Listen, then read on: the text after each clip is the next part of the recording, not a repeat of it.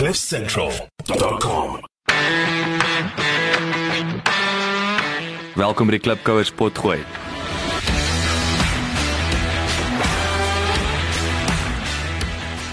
Klipkouers waar ons elke week met Afrikaner entrepreneurs en impakmakers gesels ten einde die beste praktiese besigheids- en lewensadvies met jou te deel. Jou gasheer en mede-klipkouer, Jacques Basson.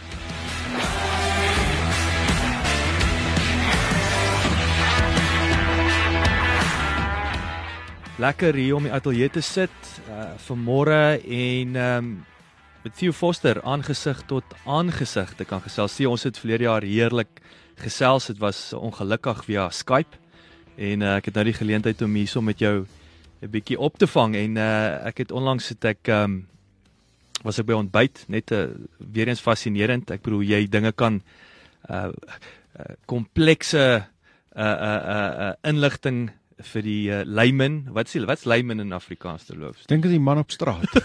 ek wou gesê die dom man. nee, ek dink as ek dink as die dis die ehm um, dis die Jan Alleman. Dis die Jan Alleman. Jy jy Jan jy jy kan 'n ding verduidelik dat Jan Alleman dit kan verstaan. Maar wat interessant was, so vertel vertel 'n bietjie die klipkouers die verwikkelinge in in, in julle besigheid hmm. wat interessant was wat natuurlik geraak het op die die die hele uh, ek sê dit was 'n aanknopingspunt waar ek en jy begin gesels het oor trusts en waar trust in natuurlik in BE inpas en natuurlik wat aan die gebeur is daar, maar ook die hele dilemma uh, van BE in die Afrikaner besigheidswêreld en ek en is 'n dilemma en 'n geleentheid. Ja, ek dink is 'n dilemma wanneer dit 'n 'n lelike naam gekry, maar kom ons begin eers wat ons al meer sien en en dit sluit die die veral die Afrikaanse Suid-Afrikaanse sakemense is besig om welvaart bymekaar te maak wat oor generasies gaan hou. Nou dis aan die een kant is dit 'n besigheid, 'n besigheid wat vir kinders of kleinkinders 'n toekoms kan bied, maar ook genoeg welvaart skep om te sê maar wag so 'n bietjie, ek ons beweeg na 'n ander liga en hier's nou die geleentheid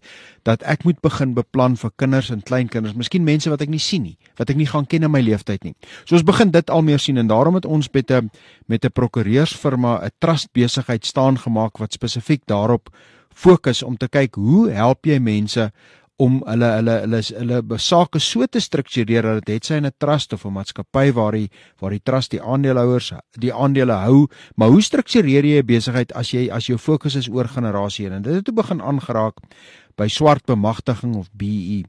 Nou Ek dink die vertrekpunt is dit het 'n slegte naam gekry want mense het dit verkeerd gedoen. Mense het probeer 'n kans vat. Mense het probeer iemand in plek kry wat eintlik geen kundigheid het nie. En, dit was amper asof dit 'n foefie aanvanklik was en hul mense het hulle vingers verbrand. Tereg, as jy enige foefie probeer en jy probeer 'n skyn verwek, wel dit gaan nie werk nie. Langtermyn gaan dit oor die integriteit van die besigheid. Nou, die agtergrond hier is Jacques en ek dink 'n mens moet dit heeltemal verstaan. As jy in Suid-Afrika wil bly en jy wil jou toekoms hier maak, wat ek persoonlik wil doen. Ek ek ek bly hier omdat dit my keuse is. Dis nie omdat ek hier moet bly nie, dis 'n keuse. Ek ek wil graag hier bly. My gesin bly hier want dit is 'n keuse. So die die punt is as jy hier wil bly, moet jy die spelreëls verstaan en jy moet inpas by die spelreëls. Nou, swart ekonomiese bemagtiging saam met radikale sosio-ekonomiese transformasie is deel van ons toekoms. Dis so goed soos jy ehm um, Jy kyk na 'n rugbywedstryd en as jy twee kort slotte het, kan jy nie sê maar jy wil nie lyn staan hê nie. Daar is lyn staan. Mm. En daarvoor het jy lang slotte nodig. Mm. Die speelveld bepaal dat Suid-Afrika kom uit 'n geskiedenis wat 'n groot gedeelte van die mense uitgesluit is in die ekonomie en die regering gaan alles in sy vermoë doen om meer mense in te sluit in die ekonomie. En dis die onderbou van swart ekonomiese bemagtiging. So ek dink as jy as as jy as jy praat oor die oor, oor die die die die die doelwit wat bereik word en kom ons sê die die morele onderbou kan niemand regtig daarmee verskil nie. Suid-Afrika het 'n magt om mense Ons sit in die in die situasie wat 'n beduidende hoeveelheid van ons mense het nie werk nie, hulle het nie 'n toekoms nie. Hulle kry swaar en en radikale sosio-ekonomiese transformasie gaan daaroor. Nou waar gaan dit my raak as 'n besigheidsman? Onthou, die wetgewing sê nie ek moet transformeer nie. Dit sê nie ek moet bemagtig nie. Die wetgewing sê dit nie. Maar waarop dit neerkom is as jy wil besigheid doen met die staat, direk of indirek. En hier bedoel ek as jy 'n verskaffer is, as jy wil tenders kry, En met indirek bedoel ek as jy voorsien aan 'n maatskappy wat aan die staat voorsien, aan 'n maatskappy wat aan 'n staatsentiteit voorsien, dan gaan jy hierdie gaan strammer word aan die een kant. Aan die ander kant, as jy iewers 'n lisensie nodig het, het sy 'n invoerlisensie of 'n watergebruiklisensie of jy het goedkeurings nodig van die owerheid. Daai twee elemente gaan baie baie sterker daarop neerkom. So die logika om te sê jy wil deel wees van Hoofstroom Suid-Afrika gaan jou al meer daartoe dwing. Nou moet jy vir jouself afvra of jy kan hierdie sien as 'n bedreiging en sê die speelgeld van, gaan verander of jy kan sê die speelveld gaan verander maar hierdie is 'n uitstekende geleentheid. My opinie is hierdie is 'n uitstekende geleentheid. Hoekom? Dis 'n geleentheid wat jy kan skep of wat jy kan struktureer om jou besigheid groter te maak, om jou um, nuwe markte te gee, nuwe geleenthede te gee want onthou by verre in Suid-Afrika die grootste aankoper en die grootste kontrakgewer is die staat of die staatsentiteite by verre. En nommer 2, ons het almal lisensies nodig. Dit kan nou gaan van 'n invoerlisensie um of 'n lisensie om handel te dryf of 'n lisensie om in 'n sekere plek iets te doen. So daai twee elemente gaan daar wees. Nou, waar dink ek lê hierdie geleenthede? Ek dink hierdie geleentheid is Suid-Afrikaanse sakemense en hier praat ek spesifiek van die van kom ons sê die middelslag en kleiner sake het nog altyd gewys dat daar 'n spesifieke kwaliteit binne in daai besigheid. Daar's 'n daar daar's ehm um, daar's IP, daar's intellektuele kapitaal, daar is 'n manier van dinge doen, daar's 'n manier van aflewer, maar daar's ook 'n manier om deur verskriklike moeilike tye te kom. Want onthou ons moenie mekaar misverstaan nie. Suid-Afrika kom uit 'n moeilike 20 of 30 jaar. Daar was 'n goeie periode, kom ons sê die 5 jaar voor 2006 het ons baie sterk gegroei, maar voor dit was daar baie onsekerheid. En na dit sit ons met met 'n Zuma era wat eintlik ons ekonomie beduidend skade aangedrig het. Ons het op 'n stadium hoë rentekoerse gehad, op 'n stadium geen groei gehad, ons het op 'n stadium uh was daar 'n afgraderingspook wat baie sterk geloop het. So ons het beduidende probleme gehad. Nou wat die geleentheid is rondom swart ekonomiese bemagtiging of of of BEE is dat jy as jy dit reg doen, is daar 'n baie groot mark wat jy kan gebruik om jou huidige kundigheid, jou huidige IP, jou huidige besigheid te hefboom of 'n hefboom effek daarop te kry. So my opinie is dat as jy dit reg doen, kan hierdie is 'n 'n 'n vlak wees of 'n geleentheid wees om jou besigheid van 'n huidige basis baie dramaties na 'n volgende vlak te neem. Maar dan moet jy inkoop in die regte korrekte beginsels en die regte by die regte reëls inpas. Dan dink ek hierdie is 'n uitstekende geleentheid. Daar gaan wenners en verloorders wees, maar hy's 'n baie groot geleentheid vir wenners. Kom ons raak aan daai hele ding, jy weet, en, en ek stem 100% saam met jou. Ek dink en ek het 'n jaar terug al um, in 'n onderhoud gesê dat jy weet nêrens in die wêreld of in ek sal sê min plekke in die wêreld word word 'n besigheid geforseer om geld te spandeer uh aan aan aan 'n in 'n diens byvoorbeeld nie. So jy moet jouself basies net in daai supply chain hê posisioneer om om te mhm. skep. Nou natuurlik is nou makliker gesê as gedaan. Wat wat het daai vrese? Wat wat is die vrese en ek kos per ek wil pertinent van Afrikaner besighede want ek weet dit is 'n dit en dit is nie net iets wat wat jy beamoen het nie. Ek het al met besigheidsprofessore gesels in die verlede wat duidelik gemaak het die Afrikaners is bang vir die B. Hulle is bang want iemand gaan daai 51% van hulle besigheid steel. Hmm. Die die vertrekpunt was ouens het gemeen jy gee R100 weg en jy kry niks terug nie. Hmm. Jy gee 'n besigheid waarin jy 20, 30, partykeer 'n generasie aangebou het en nou ewe skielik gee jy deel van daai besigheid weg vir niks wat jy terugkry nie. En ongelukkig was daar 'n paar voorbeelde. Nou as jy kyk na daai voorbeelde wat het die ouens verkeerd doen? Eerstens hulle het uiteraard die verkeerde vernoot gekies. Want dis waar die hele ding begin. As jy die verkeerde vernoot kies, ehm um, of jy bemagtig iemand wat eintlik nie bemagtig kan word nie. Nou wil ek jou terugvat.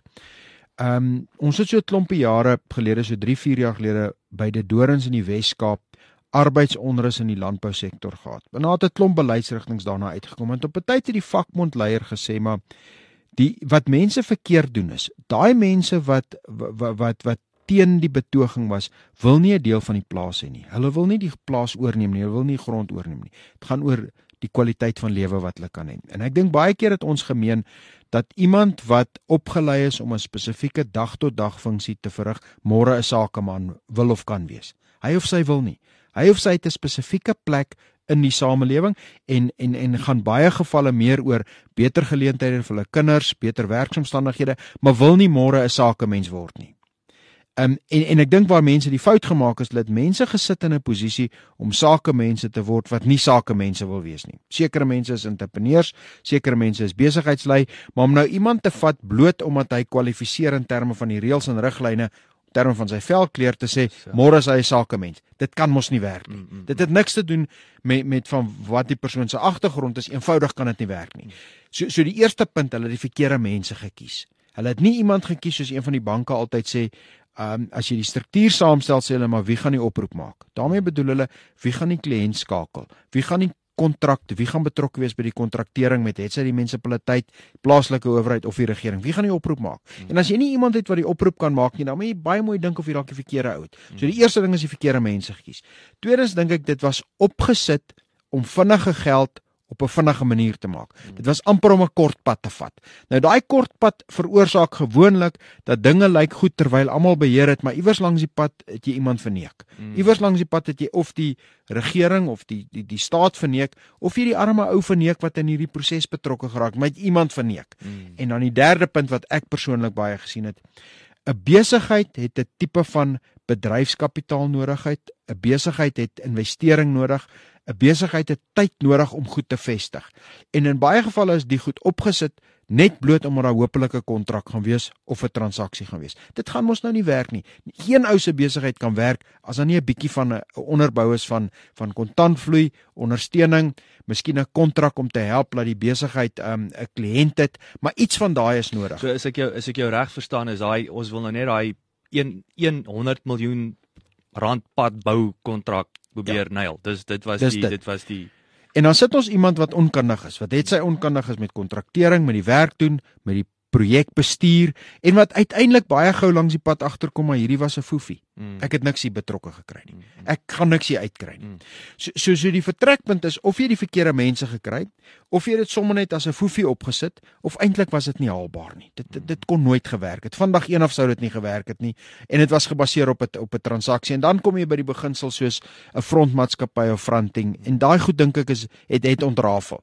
Waar die goed werk is wanneer die beide partye besef hier's 'n werklike daadwerklike geleentheid. En kom ek gee jou 'n voorbeeld een van die familieboerderye in die Wes-Kaap in die wynbedryf van Loofrin is baie bekende wynhandelsmerk. Ehm um, hulle is besig met hulle tweede of derde bemagtigingstransaksie, maar die kern by hulle gaan hoor dit almal moet wen. Hmm. Hier moet 'n totale wen-wen situasie wees. Onder andere in hulle geval kan hulle by die owerheid um addisionele werk kry of vergunning kry in terme van waterregte of in terme van van aankope. So daar is 'n geleentheid om dit 'n wen-wen te skep. En die oomblik wat jy dit 'n wen-wen maak en jy sluit die partye in. Dit wil sê jy het jou huidige besigheid, maar deur hierdie en hierdie te doen, kan ek addisionele voordele kry. Hmm. En om dit dan te doen op die basis laat almal deel in hierdie voordele, dan werk dit. Dit is deel van die strategie. Wel, dis deel van jou groei strategie. Mm. En as dit nie deel is van jou groei strategie nie, dan moet jy ook vra hoekom wil jy dit doen? Mm. Want as jy nie eintlik wil groei nie, jy wil die besigheid nêrens heen vat nie, wel onthou dis nie wet nie. Niemand gaan jou toemaak nie. Mm, mm. Al wat jy gaan kry is en wat ons begine sien en dis deel hoekom ons begine na die kant toe beweeg is ons begin al meer sien dat as jy 'n pensioenfonds wil begin bestuur, as jy sekere lisensies en goedkeuring kry, raak dit vra. En daai vrae raak al hoe belangriker hoe groter jy word. Hmm. So die punt is hoe groter jy word, hoe belangriker raak daai vraag. En dan moet jy begin sê, kan ek 'n besigheid bedryf wat ek amper op 'n eiland sit? En my opinie is nee. Hierdie is 'n geleentheid vir jou om te sê, wag so 'n bietjie, as ek na die derde en vierde stap wil vat.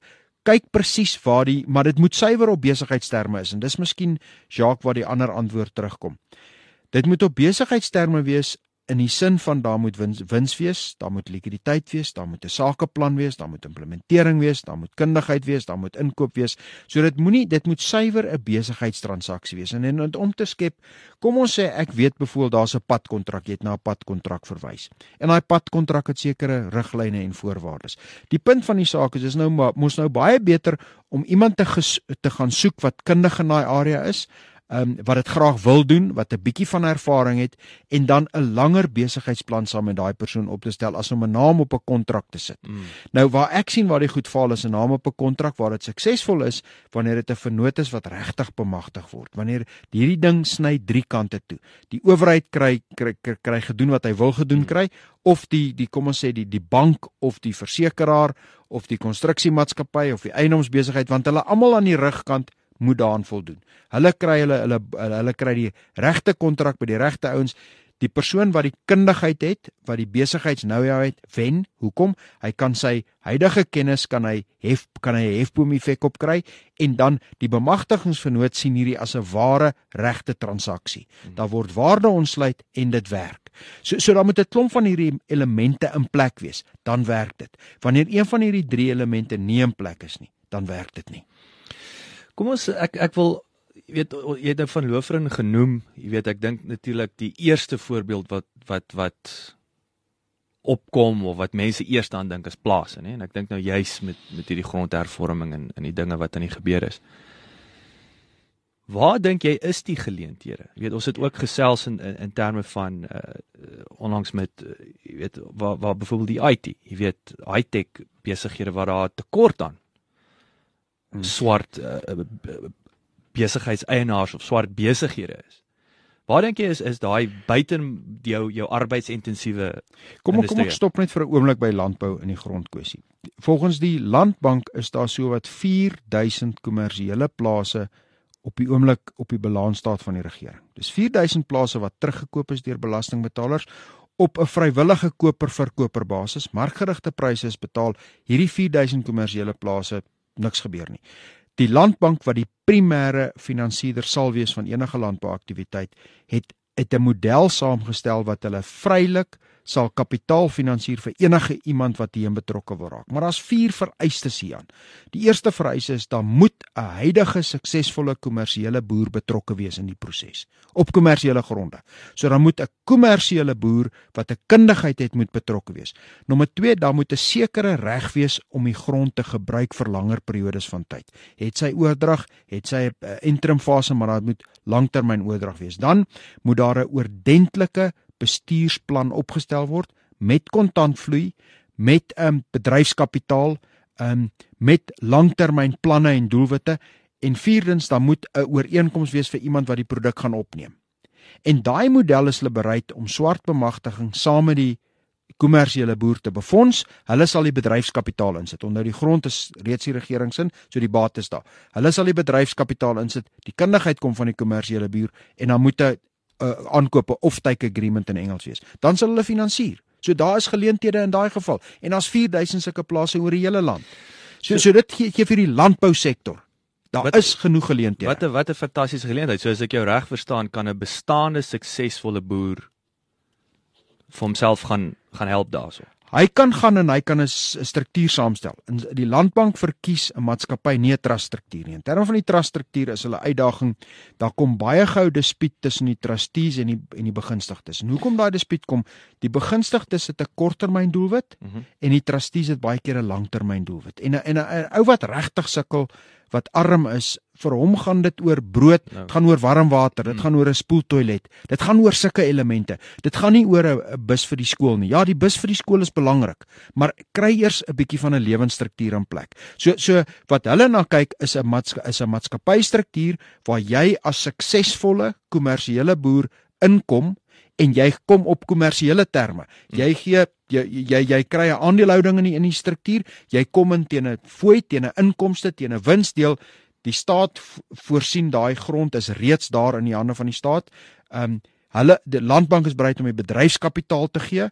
Jy moet net 'n 'n 'n offtake agreement struktureer sodat hierdie hele sakeplan werk. En dan gaan jy mos nou op 'n wen-wen situasie. So dis in die landbou.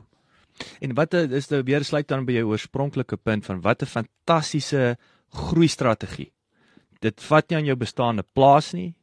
Mm. Die, ek ek dink die belangrikste les wat geleer is hier uit is dat die kommersiële 'n uh, 'n uh, 'n uh, 'n uh, vernoot wat wat 'n suksesvolle bestaande besigheid het en die know-how bring na die tafel toe. En ek wil dis die ding wat die heeltyd en dis wat ek ek dink wat wat vir my altyd hartseer was van van uh hierdie hele van BE die konsep was nog nooit sleg nie. Dit is net die kennisoordrag het verlore gegaan. Dis die grootste probleem met dit, nê. Nee. Ja. Jy gee die ou die plaas en daar staan die ding, niks hmm. gebeur nie. Dit, dit dis daai kennis wat verlore geraak het. Nou dit het net so gebeur waar jy in 'n IT-bedryf of vir 'n padkontrak iemand ingesit het wat geen kennis hmm. van die struktuur het nie. So in hierdie geval is die vier boustene is die kennisoordrag van 'n suksesvolle kommersiële boer wat 'n aandelehouding moet wees. Dit is krities vir die landbank. Maar dis 'n dis 'n mooi model wat hulle gesit het. Op ander uh, elemente is as jy kyk byvoorbeeld na die na na na die tipe van vaardighede wat versoek word op IT bedryf. IT vaardighede gaan oor kundigheid en ervaring.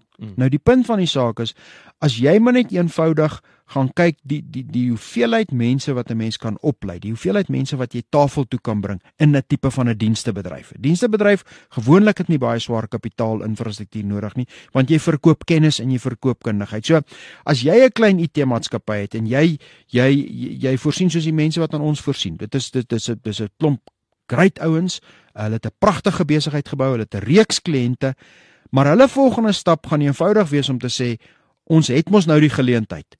Hoekom bring ons nie daai toevallig swart IT ouens wat reeds daar werk? Hmm. Hoekom probeer ons hulle nie op 'n beter posisie plaas, bietjie vinniger die besigheid doen en dit so struktureer dat ons uiteindelik gaan vir een of twee van die stadsrade se besigheid of een of twee van die van die ehm um, kleiner um, staatsbeheerde maatskappye, miskien 'n afdeling, maar dis waar die geleentheid lê om daai stap te vat een stap verder.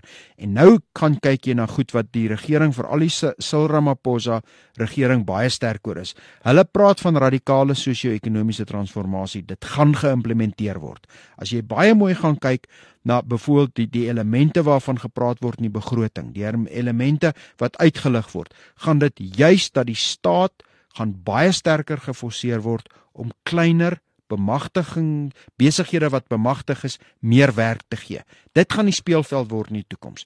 Die ouens wat gaan verloor is mense wat in baie gevalle baie groot maatskappye het wat nie vlugvoetig kan wees nie of wat glad nie daai kontrak kan doen nie. Want onthou, daai as jy enige bemagtigingsvraelys instel het sy as 'n voorsiener of as iemand wat goedere en dienste aankoop dan sê daai lys sê vir jou maar wie gebruik jy en wat is hulle status hmm. so as jy later in die ketting gaan afbeweeg en jy kan jouself reg posisioneer maak jy 'n nuwe mark oop en ek kom terug na die voorbeeld van die landbou moet dit nie sien as 'n deel van jou plaas weggee nie want dis nie wat die landbank se voorstel is nie hmm. die landbank se voorstel is hier lê 'n klomp plase vat ons hand op kommersiële terme en maak dit werk. Hmm. En dit kan net so op die IT bedryf ook uh, ook geskoei kan word. So ek dink 'n mens as jy hierdie sien as 'n geleentheid en jy speel die reëls reg, kan hierdie jou besigheid na 'n volgende vlak neem.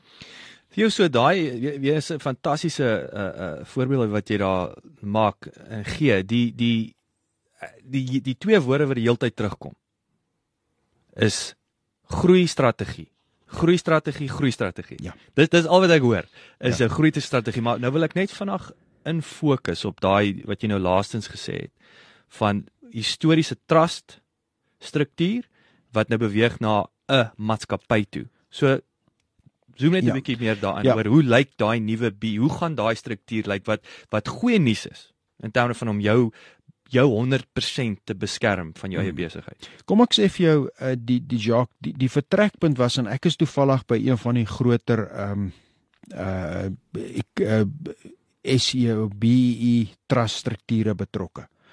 Ehm um, jou probleem is jy sit met 'n klomp begunstigdes wat mense is wat regtig 9 uit die 10 gevalle is dit mense wat van die hand tot die mond lewe. Hulle is nie welvarend nie, hulle kan nie spaar nie, hulle kan nie hulle is deel van die formele ekonomie maar ook maar net net. So jy sit met 'n klomp van hulle. Nou intussen hulle is daar natuurlik 'n klomp mense wat wel goed doen, wat baie goed doen, maar jy sit ook met 'n klomp suiwer werkers, arbeiders. Nou En dan bo sit jy met die trustees en sekere ehm um, verantwoordelikhede rondom die trustees. Die trustees se siening is om 'n langtermynsiening te vat om hierdie kapitaal om om die skuld daarteen te delg, die besigheid mooi te vestig om reserves te bou en dan oor tyd sekere uh, uh voordele uit te deel. Die probleem op die persoon wat die voordele wil hê, sy nood is baie meer direk en nou. Um, en sy nood is baie meer om homself sy ekonomiese situasie nou te verander en bietjie sy kinders se ekonomiese situasie te verander. So hulle dis gewoonlik 'n baie meer 'n korttermynsiening teenoor 'n langtermynsiening. Nou altoe is geldig, hmm. maar dit skep wrywing. Nou dis ook hoekom jy sien dat al meer van van hierdie strukture is die gevoel 'n truststruktuur uit hoofde van die verskil tussen die begunstigdes en die trustees. Ehm um, is baie keer 'n lompstruktuur. Jy kan nie kapitaal losmaak nie. Jy kan nie jouself onmiddellik in 'n ander posisie sit nie. Jy het nie iets in die hande wat verhandelbaar is nie. Nou dit's alles goeie bedoelings, maar dit het negatiewe gevolge. So wat die wat almeer na toe beweeg is om te sê hierdie struktuur moet eintlik op 'n manier in 'n maatskappy bestuur word. Dit beteken jy moet 'n maatskappy hê wat daar aandelehouding is in aandeelhouers. Ja, jy kan dit vir 'n periode beperk en ja, jy kan seker tot 'n mate voorwaardes stel aan wie jy mag en nie mag verkoop nie. Maar daar moet 'n verhandelbare waardasie onderliggend wees. En dit beteken as iemand nie meer wil deel wees hiervan nie of hy of sy gaan dan moet hy sy aandele kan aanbied op een of ander meganisme. Hy moet kan waarde ontsluit of nie. En dan die mense wat regtig wil inbly moet 'n meganisme hê om te sê, "Maar ek wil my belang vergroot in hierdie. Ek wil oor tyd myself in 'n beter posisie is." En dis is plaas en is baie meer van 'n van 'n van 'n suiwer kapitaal basis as wat dit is van 'n van 'n trustee met sekere voordele basis. In my opinie is dat As jy dit regtig wil laat werk, oor tyd gaan jy sien wie wil regtig meer aandele probeer bekom, wie wil die meganisme gebruik om om om of haar regtig te vestig as 'n sakepersoon, want dan daar's twee kante. As jy 'n aandeelhouder in 'n maatskappy is, as daar nie wins is nie, is daar nie dividende nie. Mm, maar as daar mm. wins is, is daar dividende. Mm. En jy kan 'n meganisme kry om om te verhandel. So so so ek sien veral van hierdie entiteite begin al meer gesels dat die trust struktuur het voordele en hy werk in sekere omstandighede, maar die vraag word gevra is die maatskappywet nie baie meer geskik vir kommersiële aktiwiteite want dis tog wat jy hier wil doen. Mm. Jou probleem net daarmee is en dit sien jy nou in die mynbou sektor en is die hoofelement um, met die mynbou handves wat wat wat wat, wat onderhandel word en wat Guedemantashe direk nou betrokke is. En twee van die elemente wat baie problematies daar is, maar die een gaan spesifiek om een keer bemagtig altyd bemagtig. En daai vraagstuk gaan rondom die beginsel van kom ons sê om 'n mynbou lisensie te kry In die nuwe handves moet jy 30% swart bemagtigende aandeelhouers hê. Nou daai het in baie gevalle 'n koste vir al die mynbedryf want omdat daar groot kapitaal betrokke is, moet die moet, moet die huidige aandeelhouers help met die finansieringsproses om daai aankope gefinansier te kry. So daar's gewoonlik 'n bietjie van 'n subsidie en hoe dit in plek kom. Nou nou die nou die punt van van die van, van die dispuut gaan nie oor die 30% so seer nie. Dit gaan oor as ek dit as die aandeelhouers dit een keer gedoen het. Hoe maak jy seker dat ek dit nie na 5 jaar of na 10 jaar weer wil doen nie?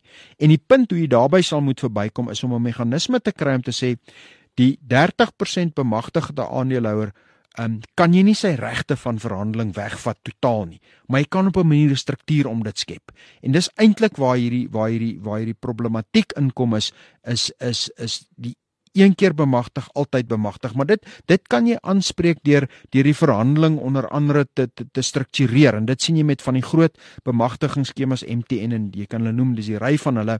Se se vereiste is dis verhandelbaar maar dit moet verhandelbaar wees aan iemand wat voldoen aan die vereistes van 'n bemagtigde entiteit of bemagtigde persoon. Wat jy dan gewoonlik kry is die persoon wat aankoop net so die persoon wat verkoop uh is dis in baie van die gevalle baie likwide markte, maar dan begin jy kry dat mense begin hulle belang verhoog.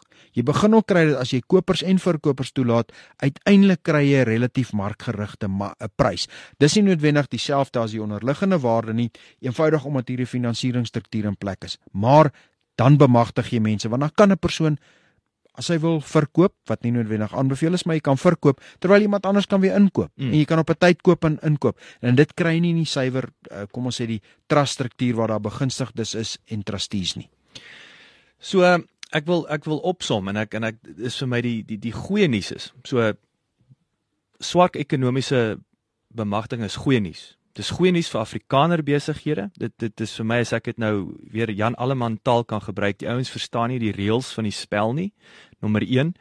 Uh, ek dink weer eens is gebaseer op op op daar's 'n vreeselement wat wat weer eens is 'n paar is altyd 'n paar skelms. Altyd ek sê altyd always takes one. Dis net enetjie wat wat dan vir alles 'n slegte naam gee. So ek dink die ouens beweeg weg, maar die maar die die punt is as ek swart swart ekonomies bemagtiging in in in twee woorde kan opsom of as ek sê twee punte is terug te kom dit is deel van jou jou groei strategie nommer 1 en en as jy dit nie as deel van jou groei strategie in in die nuwe Suid-Afrika het nie is jy dood in die water. En dieselfde asem soos jy sê dit gaan al hoe meer laer af in die in die in die waardeketting gaan gaan eh, kleiner besighede juis meer kan kan skep soos weer eens hoe posisioneer jy jouself? Maar meer belangrik vir jou is dit klink vir my of of of dit net meer besigheidsvriendelik geword het om om trust versus 'n trust versus 'n 'n maatskappy. Dit word net die ouens het hulle lesse geleer, die kommersiële 'n uh, vernoot wat inkom met sy kundigheid, die die uh, maatskappy, ons kan vinniger beweeg, ons kan vinniger uh, uh, struktureer, ons kan vinniger dinge verkoop, aankoop. Ja, dis my die goeie nuus. Kom ek sê ek dink die goeie nuus is as jy meen dat verandering is jou vriend. En ek ek ek dink die die die die die die as jy verandering jou vriend maak of jy ont jy jy omarm verandering. Is hierdie 'n verandering wat in die volgende 5 jaar 'n sterker impak gaan hê. Radikale sosio-ekonomiese transformasie gaan in die volgende 5 jaar 'n beduidende rol in Suid-Afrika speel. So as jy as jy as as jy wil deel hê in 'n groeiende Suid-Afrika wat ek dink ons kan teruggaan na 3 na 5% groei soos die politieke omgewing nou beweeg. Maar daai groei tot 'n baie groot mate gaan afgewentel word na kleiner besighede, na entrepreneursiese gedrewe besighede, na middelslag besighede en 'n groot deel van daai groei gaan spesifiek gefokus word op die gemagtigde besighede. Daai ons wat die SCB of BEE e omarm het en wat betrokke is daar. Dit is dink ek waar daar beduidende geleenthede gaan lê en ek dink vir enige persoon wat sê ek wil my besigheid na 'n volgende vlak toe vat is dit die speelarea waar jy moet gaan kyk. Daar gaan 'n fokus wees op kleiner en middelslag besighede en dan gaan 'n fokus wees op besighede wat bemagtig is. En dis waar die grootste groei in Suid-Afrika in die volgende klompe jare gaan wees. Sjoe, ek kan nog hele dag met jou gesels. Verskriklik dankie vir jou tyd. Dankie dat jy ingekom het. Great om jou weer te sien. En hierdie is dit is so opwindend hierdie. Dit is vir my uh maar weer eens heerlik. Dankie dat jy dit so Jan almal almal taal ontpak en uh, ja, klipkouers dit is deel van jou jou jou jou groei strategie. Ek wil ek dit is 'n massiewe besigheidsgeleentheid. Maar moenie dieselfde foute van die verlede herhaal nie en moenie die mites van die verlede glo nie. Gaan kry die feite en werk met die feite en ek hoop jou besigheid kan verdubbel in die volgende 3 tot 5 jaar. Baie dankie dat jy geluister het. Vir 'n opsomming en notas van die episode, gaan asseblief na ons webwerf www.klipkouers.com en teken sommer in terwyl jy daar is, dan kan ons jou gereeld op hoogte hou. Baie dankie.